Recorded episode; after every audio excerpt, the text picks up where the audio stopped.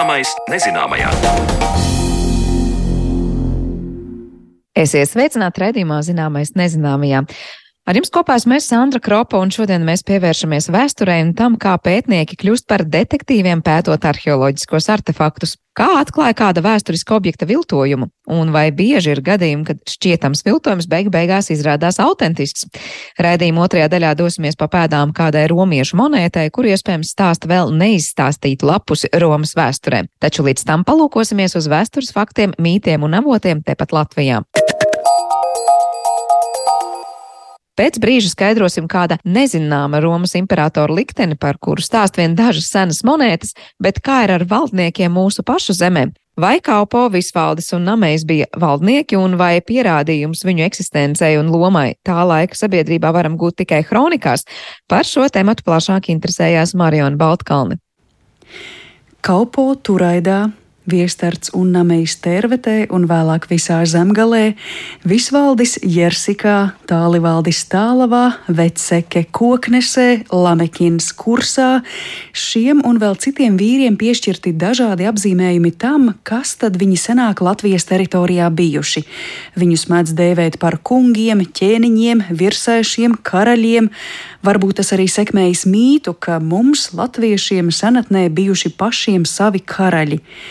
Kādam priekšstats par šādiem senajiem ķēniņiem vislabāk varētu būt izveidojies no mākslinieka Ludolfa Liberta pagājušā gadsimta 30. gados radītajām gleznām.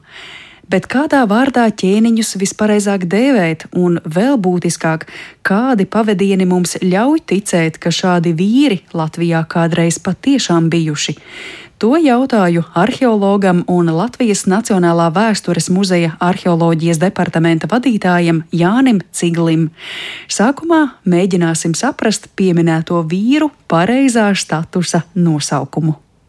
Šeit viennozīmīgi atbildēt nevar, jo šiem cilvēkiem, ko mēs zinām no kronikām, no citiem rakstītajiem avotiem, bija ļoti dažāds status Jo pareizāk viņus varētu varbūt saukt vienā vārdā par valdniekiem. Jo arī kronists Indriķis viņus īsti nezina, kā apzīmēt. Un vienā vietā viņš ir varbūt apzīmēts it kā karalis vai vispaldis kā karalis, jeb cits kā šo te vārdu duhs, kas ir hercogs, vadonis kā zemgaļiem. Noteikta tāda vārda nav, un otrs, eh, viņus nevar likt, eh, kā teikt, vienā maisā, jo viņiem status un var ir ļoti, ļoti dažādi. Jo, piemēram, mēs nekad nevarēsim salīdzināt kalpo ar visvaldi. Jo kalpo ir salīdzinoši neliela apgabala, turaidas, vecākais, it kā karalis. Jersikas visvaldi Hronis dēvē par rēkstu, tas ir karali jau. Bet eh, no mūsu viduslaiku pētnieku viedokļa, ja viņu nav kronējis pāvests, ja kāds cits ar viņa ziņu par karali, tad viņu par karali nevar saukt. Būtībā par karali pirmo austrumu Baltijā varētu tiešām nozīmē teikt, ka tas bija Mindaugs Lietuvā. Bet tajā pašā laikā, ja kalpo padzen no viņa pils, viņa radi un draugi, kā ir minēts kronikā, tad visvaldim ir pavisam cits status, pavisam cita vara. Viņam ir gan šis te Jersika, eh, kas viņam ir kā mantojums, un tajā pašā laikā viņam ir šie meslu maksātāji, autīne, cesvaina un visi pārējie. Un ar šo vienu padošanās līgumu viņš visus tos meslu maksātājus, kas jau ir kristīti katoļticībā, eh, kas viņam līdz šim meslus maksāja, viņš šos meslu maksātājus nodod biskupam Albertam, un līdz ar to eh, austrumu vidzeme ir pakļauta, un tur nav neviena vairs krusta tā kā nekā mēs nevienā avotā neko neatradīsim. Un tā jau ir pavisam cits varas status. Ja arī, ja salīdzinām, piemēram, mežotnē, kur sapulcējas simts vecākie, kas spriež un lemj, vai šeit ir vienpersoniska vara. Ja runājam par visvaldi, tad ko man gribētos uzsvērt? ka viņš bija neatkarīgs valdnieks. Jo tajā pašā Indriča kronikā kronis min, ka viņš bija precējies ar lietuviešu Daugarūta meitu. Un eh, ka viņš kā, kā lietuviešu, kā viens no viņiem, viņš veda lietuviešu karaspēku pret eh, igauniem un latgaļiem. Un arī latgaļi nebija viena teritorija. Nu, tā ir gan tālāk, gan arī tās ir ļoti atšķirīgas lietas. Un otrs, kronikā mēs nekur neatradīsim ziņas par to, ka Jersika būtu maksājusi meslus kādam, jo ir runa par lībiešu mesliem. 1203. gada Poloskas Vladimira karagājiens pret lībiešiem ir tādēļ, ka eh, nebija lībiešu meslus samaksājuši. Par tālavas mesliem tur visu laiku ir strīdi, un tas arī viens formālais Livonijas kara iemesls. Bet šeit nekur mēs neatrodam nevienu vārdu, ka būtu kaut kas maksāts un tam līdzīgi. Sakiet, ir tāds apzināts uh, skaits no tām pašām kronikām, cik tad Latvijas teritorijā tādi valdnieki bija? Nu, ja mēs paliekam pie vārda valdnieki. Tas, kas kronikā minēts, tas nav viss. Mm -hmm bet ar dažādu statusu, nu, tur kādi desmit apmēram, nu, varbūt mazliet vairāk. Reālāk būtu skatīties nu, šo arheoloģisko materiālu un šos te e, vēlā dzelzceļa laikmeta e, centrus, kas parasti lokalizējās pilskalnā, bet varētu var arī nebūt pilskalnā atsevišķos gadījumos, un e, ar kaplaukiem apkārt, un katrā šajā centrā nu, bija lielāks vai mazāk ietekmīgs valdnieks. Un tad mēs varētu apmēram dabūt nu, to reālo valdnieku skaitu. Un, nu, protams, viņiem būtu būt dažāds status. Mhm. Nu, tad mēs arī varētu mazliet vairāk pieskarties, kas ir tas, kas vēsturniekiem palīdz gūt informāciju, sapratni par to, ka mums tādi valdnieki bija, un iespējams ne tikai bija, bet arī, ka mēs par viņiem varam uzzināt vēl kaut ko vairāk. Mēs jau minējām vārdu kronika. Vai tas ir būtiskākais, kas jums sniedz informāciju? Un, ja jā, tad kādas kronikas? Nu, ir pamatos tā ir Indriča Livonijas kronika un arī šie 13. gadsimta zemju dalīšanas līgumi, Jersikas padošanās līgums, kas rāda nu, šo te teritoriālo iedalījumu. Kādu informāciju par šiem pašiem valdniekiem mums iedod kronikas tādā ziņā, vai tur ir tikai vārds minēts, vai kaut kas vairāk par viņiem, par viņu dzīvi, izskatu arī ir stāstīts? Par izskatu neko mēs nekad neatradīsim. Tas dzīves gājiens vienam otram izsekojams no kāda laika. Nu, piemēram, par kalpo. Mēs zinām, ka e, viņš parādās e, pašā 13. gadsimta sākumā, ja nemaldos avotos, ir pabijis Romā un krīt kaujā Igaunijā. Par visvaldi mēs zinām, ka viņš bija ar lietuvieti precējies, ka e, šī te, ka Jersika viņam bija tēvu mantojums. Un pēc tam viņa dzīves gājiens ik pa brīdim viņš tur parādās. Tad ir, ka viņš ar Modines Vilhelmu tur tiekas Rīgā un vēl pāris reizes, nu kaut ko jau var izsekot. Bet miris viņš ticamāk bija, kad par viņu ziņas pazūd, ka sāk kārtot atkal šīs zemju dalīšanas lietas. Ja mēs runājām par arheoloģisko materiālu, tad eh, šī hierarhija neparādās. Un, manuprāt, ir velti meklēt eh, visvaldi ar zelta kroni vai vēl kaut ko. Pēc kronikas ziņām viņš bija pareizticīgais, un viņu apbedīja pēc pareizticīgo tradīcijām. Visticamāk, viņš varētu būt ar to pašu pakausaktu, ikdienas nu, apģērbā, jostu un, un bez ieročiem. Nezinu, vai viņu apbedīja bruņu cepurē visu pārējo. Jo ir tā, ka ja mēs Gotlandē 10. gadsimtā vēl 11. gadsimta sākumā varam redzēt nu, šos bagātos apbedījumus, kur ir bruņu cepures, kara draugs un pārējais. To pašu mēs varam redzēt pie Ķīvas kaut vai Austrumē Eiropā, gar Daugavas tālāk ūdensceļu, kur ir šī kara draudzene. Tad vēlāk, 11. gadsimta beigās, 12. gadsimtā, Gotlandē tie praktiski izzūd. Un, e, tur ir apbedījumi, kuram ir pakausakta ķemme un josta. Un tas pats process iezīmējās arī gar Daugavu, kur, ja 10. gadsimtā katram latgaļu karotājam bija skramastāks divi šķēpagali un vēl cirvis klāt, bet 12. ar retiem izņēmumiem ir cirvis vēl kā šķēpagals, kas rāda to, ka šeit šī sabiedrība ir attīstījusies un kad vairs nav kā kuršiem šajā laikā, kad katrs ir karotājs, kur katram gandrīz ir šis zobens un vairāki šķēpagali, bet būtībā šo lomu spēlē visticamāk kara draudzene. Un es domāju, ka arī visvaldim varēja būt, es nezinu, cik liela kara draudzene. Šeit jau ir pavisam cita sistēma. Rietumlatvijā ir viena un Austrumlatvijā būtībā otra. Un Ziemeļlatvijā kaut kas pa vidu var būt tālavā. Kurzemē tas valdnieks varēja būt ļoti veiksmīgs karavadonis. Arī viestats varbūt ir vairāk kā karavadonis nekā šis valdnieks var būt. Mm. Jūs jau minējāt, ka nevajag mums te visvaldi ar eh, kroni galvā meklēt kaut kur apbedījumos, bet eh, jūsu vēsturnieku vidū vai ir bijuši kādi apzināti mēģinājumi izsekot līdzi valdnieku pēdām kādos arheoloģiskos meklējumos, un vai kādas liecības eh, kaut ko mums vairāk pastāsta par viņiem? Oficiāli uzrakstīts, tas nekur nav, ka tieši Jersikā bija 30. gados izrakumi, ka mēģina atrast nu, visvalža pēdas. 30. gados, ja Valmierā izrakumi Beverīnu meklējot. Bet uh, arheoloģiskajā materiālā parādās uh, nu, šie centri, uh, kur ir vairāk greznumu lietu, vairāk tirzniecības priekšmetu. Nu, piemēram, Daugmule kā tirzniecības centrs izdalās, varbūt koknese vairāk izdalās nu, kā tāds slāvu ietekmes centrs, kur ir šis stikla aprocis ir bagātāki pilskalni atradumiem un mazāk bagāti. Un spēcīgāk nocietinātie kā tērbeci kaut vai, piemēram, vai vēl kādi, nu, tur šis arheoloģiskais materiāls ir krietni bagātāks. Nu, gadās arī nedaudz, nu, neteiksim, kuriozi, bet, piemēram, Jersika ir pēc nu, arheoloģiskā materiāla netik izteikts centrs kā, piemēram, asote, kas ir blakus. Un dažreiz pat jādomā, vai tiešām Jersika ir Jersikā.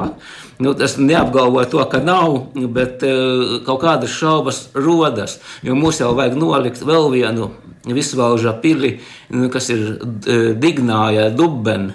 Jo tā jau ir minēta nevis 13. bet 14. gadsimta avotos. Un, un tur ir Dubnas um, upe tuvumā, un otrs ir Dignāja, kas ir vāciski Dubena otrā krastā pretim. Tas man tā dažreiz liek padomāt, bet varbūt tomēr kaut kas ir nojucis gadsimtu gaidašiem nosaukumiem. Man arī radās jautājums, vai līdztekus visām kronikām, par ko mēs runājām, arī kaut kādās, varbūt jau pasakās ienāk arī mūsu virsaiši valdnieki. nu, mēs varam viņu uzskatīt par pasaku, Aha. varbūt ne, bet ir šī Olava Frigvasona sāga. Un uh, tur ir minēts atkal nu, šis te visevaldrs ķēniņš Haralds bija grūtsirdīgs un gatavojās vēlreiz jāt uz Svēja zemi, lai satiktu ķēniņieni Sigrīdu. Daudzi mēģināja viņu no tā atrunāt, bet to neievērojot, viņš devās ar daudz pavadoņiem uz to īpašumu, kurā ķēniņiene valdīja. Tajā pašā vakarā, bildināta ķēniņiene no Gardarīkas austrumos, ieradās kāds cits ķēniņš, kuru sauca Visa valsts. Abus ķēniņus ar viņu pavadoņiem novietoja kādā lielā ēkā. Tā kā tā bija dzīvojamā ēka, tad tur visu vakaru stipru dzērienu netrūka, un visi bija tā piedzērušies, ka aizmiga kā galvenie tā ārā sārgi. Tad ķēniņiene Sigrīda pavēlēja naktītiem uzbrukt ar uguni un ieročiem. Ēka ar visiem, kas tajā bija iekšā, nodega. Tos, kuri izkļuva ārā, nogalināja. Sigrīda sacīja, ka tā rīkojoties, viņa grib atradināt svežzemju sīkķēniņus no braukšanas pie viņas precībās. No tā laika to sāka saukt par Sigrīdu Stūrrodi. Šī ir Olava Trigvasona sāga. Nu, protams, nu, tā ir pasaka, tā ir nu, sāga, bet tajā pašā laikā, kad tas ar visu valdu parādās islandiešu sāgās, mm tas rāda to, ka kaut kāda informācija tur glabājās. Un tas viss valda nāk no Gerderikas, tas no Krievzemes it kā. Un varbūt arī tā Jersika tajā laikā izpratnē uh, ir arī nu, šie Gerderīka. Šeit būtībā ir vairāk apzīmē šo teritoriju, nevis etnosu. Bet eh, es jums vēl gribēju pajautāt eh, par vienu liecību, kuru joprojām arī daudz Latvijas sabiedrībā nesā kā iespējamu lietisko pierādījumu kādam no valdniekiem, proti, Nameja gredzens. Un te nu es gribētu jautāt, no kurienes mums ir parādījusies informācija, ka iespējams tiešām virsaitim valdniekam Namejam bija tāds gredzens, un vai tiešām tas tāds bija? Pirmkārt, mēs nezinām, kur ir namējis apbedīts, un arī vai zināsim, jo nebūs pierakstītas eh, plāksnītes, te guļ namējis klāt. Mm. Un otrs ir tas, ka 30. gados bija plaši izdevumi Daugmalē. Un Daugmalē nu, atrada nu, sudraba nu, tādu pītu, smalku gredzenu. Un tajā pašā laikā iznāca Aleksandra Grīna, nu, šis romāns, Nameja gredzens. Un tas kaut kā 30. gadu beigās nu, šīs abas lietas sasaistījās kopā. Un šis gredzens ieguva pēc tā romāna nu, šo nosaukumu. Un tad nu, tas tā ieviesies, un kas tagad ir kā, zināmā mērā kā latviešu identitātes simbols, ir kaut arī tādi gredzeni jau arheoloģiskā materiāla bija agrāk pāris zināmi. Tad mums ir zināmā mērā Aleksandram Grīnam jāpateic. Es domāju, jā? ka jā. jā.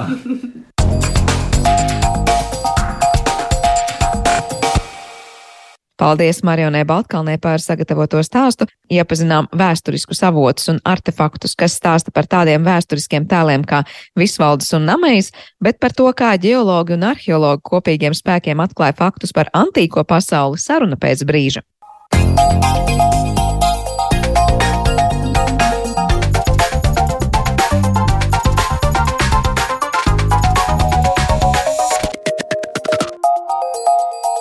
Zināmais nezināmajā. Plecu pie pleca arheologi, vēsturnieki, geologi, ķīmiķi un citi speciālisti šķetina noslēpumus, kurus sevī slēpj arheoloģiski artefakti. Spilgts piemērs tam ir kāds nesens Londonas un Glasgow zinātnieku pētījums par kādu senu romiešu monētu, kuras analīzes atvērušas jaunu lapusi antīkās Romas vēsturē. Par šo konkrēto atklājumu un to, kādu nozaru speciālisti darbojas arheoloģiskajos pētījumos, mēs šodien uz attālināto sarunu esam aicinājuši arheoloģi Dita Auziņu. Labdien! Labdien! Labdien! Kā arī ģeoloģija un Glāzgovas Universitātes elektronu mikroskopijas centra vadītāja Lieni Sprūžiniec. Labdien! Labdien! Es laikam sākšu ar to, ka Liena šobrīd arī atrodas Glāzgovā un pati ir bijusi daļa no tās pētnieku komandas, kas darbojās līdz šim ar seno romiešu monētām. Un šis atklājums nu, ir radījis diezgan lielu rezonanci arī no pasaules lielajiem mēdījiem, tādiem kā CNN un BBC. Es lūkšu līdz ar to Lienai vispirms izstāstīt, kas īsti ir noticis, kas ir atrasts un kas ir pārbaudīts, jo es saprotu, stāstot par kādu senu romiešu laika monētu, kas visu laiku tika uzskatīta par viltojumu, bet izrādās, ka ir īsta. Un tad, nu, liels un jaunas lietas mums ir jāsāk rakstīt um, pasaules vēsturē, ja tā var teikt, lieliem tādiem izteikumiem runājot. Liena, ko īsti ir izdevies noskaidrot? Uh, jā, nu tā ir taisnība, ka sacēlā lielu interesi par šo periodu uh, Romas vēsturē. Un, uh, tas ir pētījums gada garumā. Uh, mani sākumā sakontaktēja pētījuma vadošais autors uh, Pauls Pirsons, uh, jo viņš gribēja veikt uh, elektronu mikroskopijas analīzes uz uh, Romas, romiešu monētas. Uh, un šī monēta, uh, par to viņš uzzināja, rakstot grāmatu par uh, 3. gadsimta krīzi uh, Romas vēsturē. Tā, tā, tas bija laiks Romas vēsturē, kur notika daudz militārās nekārtības, imperatori mainījās viens pēc otra, uh, provinces sāka atdalīties un bija diezgan lielas jukas. Un viņš bija interesēts šajā periodā, un viņš rakstīja par to grāmatu. Un šajā laikā viņš uzgāja ziņas par monētu, kas attēlo imperatoru Sponsiānu, kas nekad, par ko nav nekādu citu ziņu vēsturē, kā vienīgi šī monēta. Un vienīgā informācija, kas viņam par to bija, bija atlējums, diezgan sliktas kvalitātes atlējums, nevis, pati, nevis pašas monētas attēls. Un uh, bija ziņas par to, ka pasaulē ir četras monētas ar imperatoru Sponsiānu. Viņas glabājas Glāzgovas Universitātes uh, Hunteriana muzejā. Divas ir Vīnē un viena ir Rumānijā. Un tad viņš sakontaktēja Glāzgovas Universitāti lai varētu iegūt augstas izšķirtspējas fotogrāfijas. Un pēc tam caur Glāzgovas universitāti tika sakontaktēta speciālistu komanda, gan es elektronu mikroskopijas jomā, gan arī spektroskopijas jomā pētnieki Mišela Botičelli un Jaceks Oleandrs. Un, jā, un tad mēs gada garumā veicām šo pētījumu. Un sanāca, ka rezultātā secinājāt, ka monēta ir īsta un tā nav viltota. Tātad patiešām uz tās ir attēlots nu, tā laika imperators. Tā ir hipotēze. Būtībā tā ir hipotēze. Tas, ko mēs atklājām, bija papildus pierādījumi tam, ka monēta varētu būt īsta.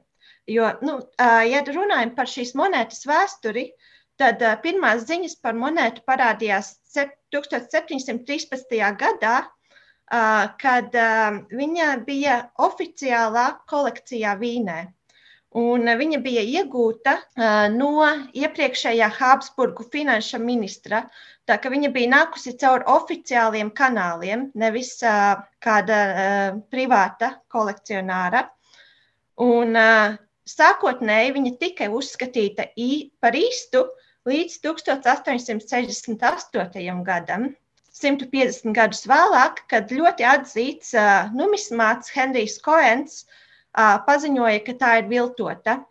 Un, uh, viņa paziņojums balstījās uz faktu, ka šīs monētas dizains ir dīvains. Viņš īsti neatbilst uh, tam, ko mēs gaidām no romiešu monētām. Pirmais, ka monēta tika lieta, nevis spiesta. Ja? Oficiālās kaltuves spieda monētas, bet daudz, par daudziem viltojumiem mēs zinām, ka tie ir bijuši lieti. Uh, aizmugures dizains bija dīvains uh, no monētas, kas ir zināma 300 gadus agrāk, un bija smaguma atšķirības. Un balstoties uz šiem argumentiem, Henrijs Koens atzina, ka monēta ir viltota Un kopš tā laika um, monēta tika vienprātīgi akceptēta kā viltota un netika tālāk pētīta. Un tad šis ir pētījums, kur mēs atkal pacēlām augšā, paskatījāmies uz monētu, uz īsto oriģin, oriģinālo monētu un veicām rūpīgas analīzes. Jā, man jautājums Ditē atkal no arheoloģijas puses, kā šobrīd izklausās no arheologu pasaulē vairāk tagad ir uzvirmojušas tās runas, ka monēta vienalga ir viltota un ir daudz tādu, kas joprojām pieturās pie šī apgalvojuma, vai tomēr tā sabiedrība ir sašūpota un tiešām liekas, ka ir tāds nu, fundamentāls atklājums, kas, kas te, te ir izdarīts. Es domāju, ka sašūpot ir noteikti. Šūmēšanās notiek un um, lielākoties, pirmkārt, jau kā Liena teica, viņi ir izvirzījuši hipotēzi ar šo pētījumu. Liena un pētnieku komanda nesaka spēcīgu apgalvojumu, ka, nu, ka ir vai nav. Viņi, dod, viņi piedāvā jaunu metodi, un viņi saka, rekur apsties, mēs veicam šo pētījumu, un ir pastāv iespēja, ka tomēr šis šāda persona eksistē, un monēta nav 17. un 18. gadsimta viltojums.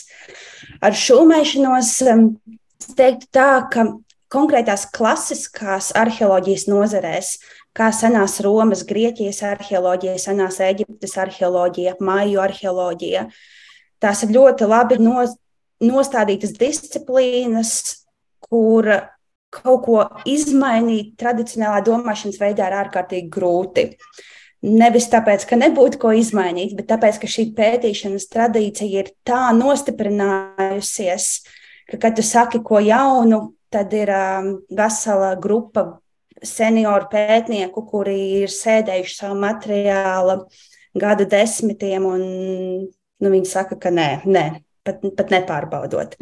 Bet es domāju, Man, manuprāt, kas ir šī pētījuma galvenie pie, piedevumi zinātnē, tā ir tieši šī metodoloģija, šis piedāvājums, ka mēs varam skatīties zinātniskāk, ekst, ar ekstrakto zinātņu palīdzību uz šo, uz šo jautājumu. Un, jā, un arī tomēr atlikt atpakaļ diskusijā, ka iespējams spon, Sponsiāns bija, ja ne gluži imperators, tad viens no šiem vadoņiem, kurš kaut kādā mirklī kala monētas.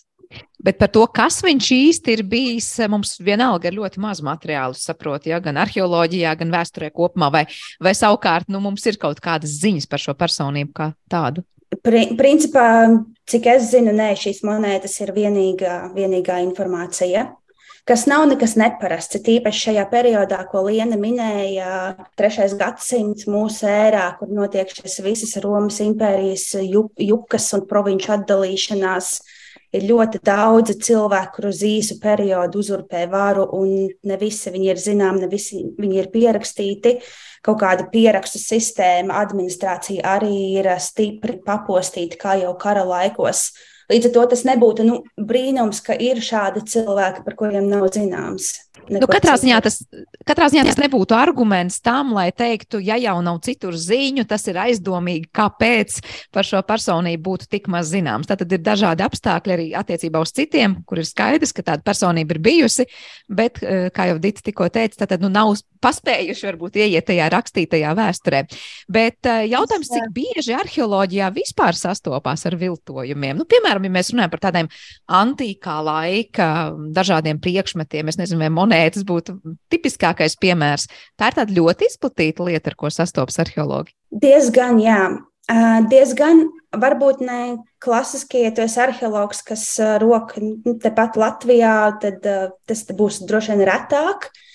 Kad mēs runājam par viltojumiem, mums ir jāsaprot, tās ir vairākas, vairākas jomas.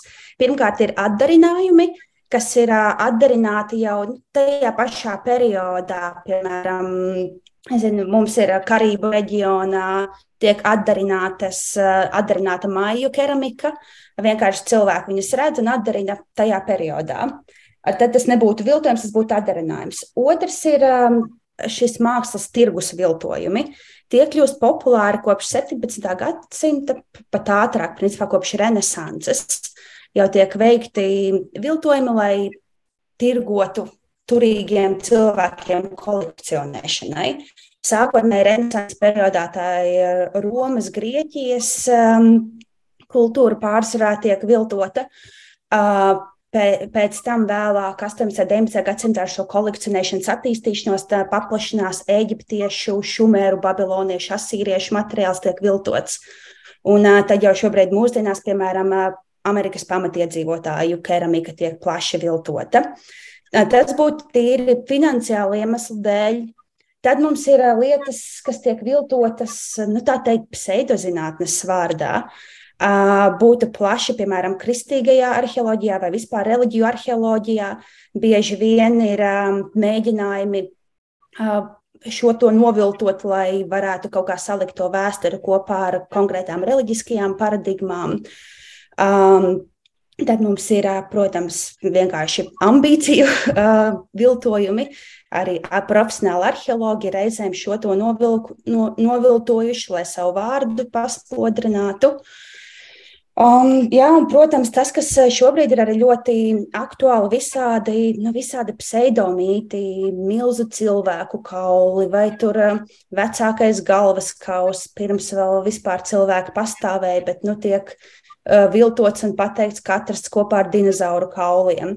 Vai nu, ša, visādi šādas lietas, kas jau iet kopā ar moderno, principā kaut kādu pseido dokumentālajām filmām par vēsturi. Tur citplanētieši pat nāk klāt un tā. Tā kā mums ir viltojumi ļoti dažādos līmeņos.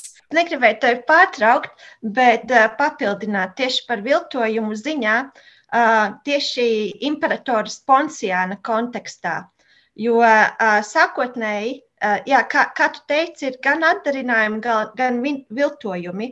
Un sākumā, tad, kad monēta tika atrasta, viņa tika uzskatīta par īstu, bet ne īstu Romā kaltu monētu, bet gan barbaru atdarinājumu, kas uz Romas robežas kala monētas, kas atdarina romiešu monētas. Un pēc tam, pēc Henrija Koena paziņojuma viņa tika uzskatīta par 18. gadsimta viltojumu. Uh, un viņiem bija labi argumenti, lai to darītu, jo tās dizaina atšķirības uh, bija grūti izskaidrot, pieņemot to, ka monēta tika kalta Romā. Bet to, ko mēs apgalvojam, mūsu hipotēze apgalvo, ka viņa netika kalta Romā, bet gan izolētā provincē, Romas pierobežā, šobrīdējā Rumānijā, iepriekš Dākijas provincē, kas desmit gadus bija pilnīgā, pilnībā izolēta no Romas, un tur tika ieviesta sava ekonomika. Un tāpēc arī atšķirības var izskaidrot. Tas nenozīmē, ka tā tiešām būs patiesa, bet tas, tas ir izskaidrojams. Bet argumenti pret to, ka šī monēta varētu būt viltota, bija tas, ka Renesanses viltotājiem viņiem bija metodes, kā viltot, un viņi uh, viņi to darīja, bet viņiem bija maza interese par trešā, trešo gadsimtu, šo juku periodu Romas vēsturē. Pārsvarā visi viltojumi ir zināmi no klasiskā perioda. Tāpat arī vārds sponsians tajā laikā ir, ir maz zināms vārds. Un, ja kāds gribētu viltot, tad viņi droši vien gribētu viltot monētu, kas ir vērtīga monēta, nevis kāda mazināma, jau, kas jau rada jautājumus, vai šī monēta ir īsta. Um, Nu, katrā ziņā sponsiāna vārds nebūtu tas, kas pievilinātu viltotājus, par ko te pirms tam arī Dita stāstīja, nu, kas ļoti bieži ir tās motivācijas. Bet man ir jautājums, kāpēc tam atšķirt to viltojumu no patiesās monētas, vai proti, nu, jebkurā gadījumā ne tikai monētas. Es domāju, kā arheoloģijā nu, notiek tā viltojuma izšķiršana, vai te ir vienkārši šī te konkrētā tehnoloģija, kas to ļauj izdarīt, vai vēl ir daudz citi paņēmieni. Jā, um, nu pašā arheoloģija ir vienkāršāk. Tu izroc no zemes, tu redzi kultūras slānī, nu tad tas droši vien būs no nu, konkrētā perioda. Sarežģītāk jau tas kļūst tad, kad nonāk līdz izsoļu zālēm un muzejiem.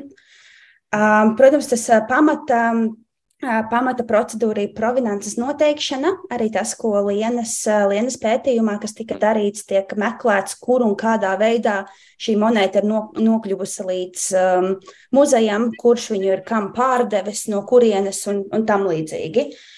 Uh, bet, protams, tas bieži vien apstājas kaut kur 18. un 17. gadsimtā un tālāk netiek. Um, tālāk nav to datu. Tad sākas pamatīgs darbs. Pirmkārt, jau tā ir vizuālā vizuālā inspekcija, un tu skaties pēc um, atšķirībām. Jo, ja tu esi speciālists, kas principā visu mūžu ir strādājis ar vienas, vienas grupas artefaktiem, ja tu visu mūžu pētīji Romas monētas vai tu visu mūžu pētīji um, šumēru keramiku, tu jau zini tās visas iespējamās variācijas. Un, ja nu pēkšņi parādās kaut kas drusku savādāks, savādāks materiāls, savādāks zīmējums, vai mēs atklājam kaut ko jaunu, vai nu tas ir viltojums. Un tad tas ir tas mirklis, kad var nākt palīdzīgā šīs zinātniskās metodes. Manuprāt, tāds pētījums, kā Liena ar kolēģiem ir veikusi, ir viens ļoti labs piemērs. Ir vai, vairāk varianti var skatīties uz tiešām šo ķīmisko elementu tipiskajiem, tipiskajiem elementiem. Un uh, skatīties, vai viņi ir tādi paši kā šā reģiona geoloģijā, uh, reģiona mālā, vai, vai viņi ir uh, atšķirīgi. Ja viņi ir atšķirīgi, tā, tad tas visticamāk ir veidots objekts kaut kur citur, nevis konkrētajā reģionā, no kura viņš ir uh, nācis. Uh, Ja tas ir kaut cik, ja materiāls satur kaut kādu organiku, ir iespējams veikt C4 radioaktīvā oglekļa analīzes. Um, Un tad noteikti to laiku, ja tad vietu varbūt ne tik ļoti, cik laiku. Jā, jā tieši tā, tieši tā. Jā, Lienai bija piebilstams. Un tas ir tieši to, tas, ko mēs darījām šajā pētījumā. Jo Klasiski monētu pētījumos netiek īsti izmantotas analītiskās metodes.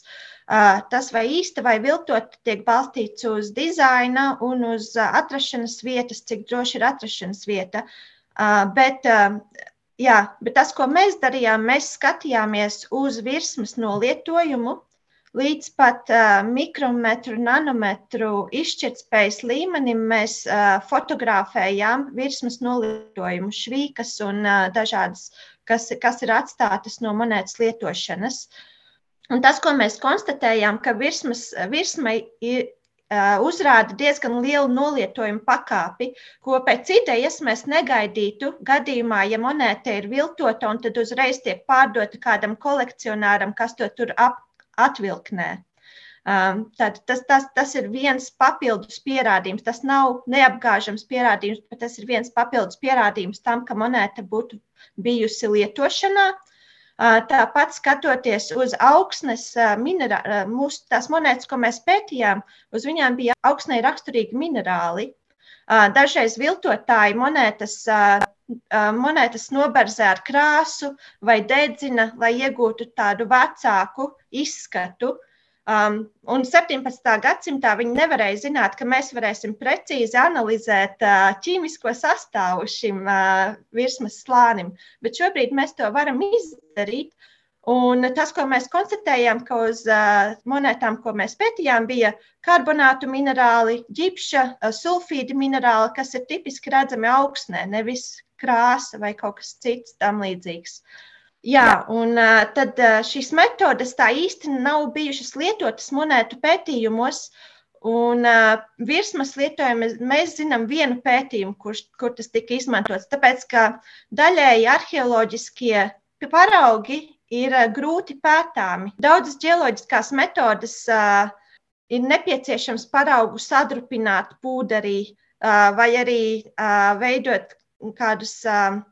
Izsist caurumu viņā vai vēl kaut ko tamlīdzīgu, ko nedrīkst darīt ar arheoloģiskajiem paraugiem. Un tāpēc tos pētīt ir grūtāk un tāpēc retāk tiek pie, pielietotas šāda veida metodas. Bet tad, kad tās metodas tiek pielietotas, protams, viens ir tas, ko tas prasa no paša objekta, tad nu, to varbūt dažkārt sadrupināt vai kā citādi sajaukt. Bet eh, kā tas ir laika, naudas izteiksmē, vai mēs varam teikt, tikko kā kaut kāds priekšmets tiek pārbaudīts, nu, pēc tam visām noteiktajām kategorijām, tas ir uzreiz tāds dārgs un laikietilpīgs process. Jā, es varbūt atbildēju, jā, noteikti. Tā noteikti ir dārgākā daļa arheoloģijā.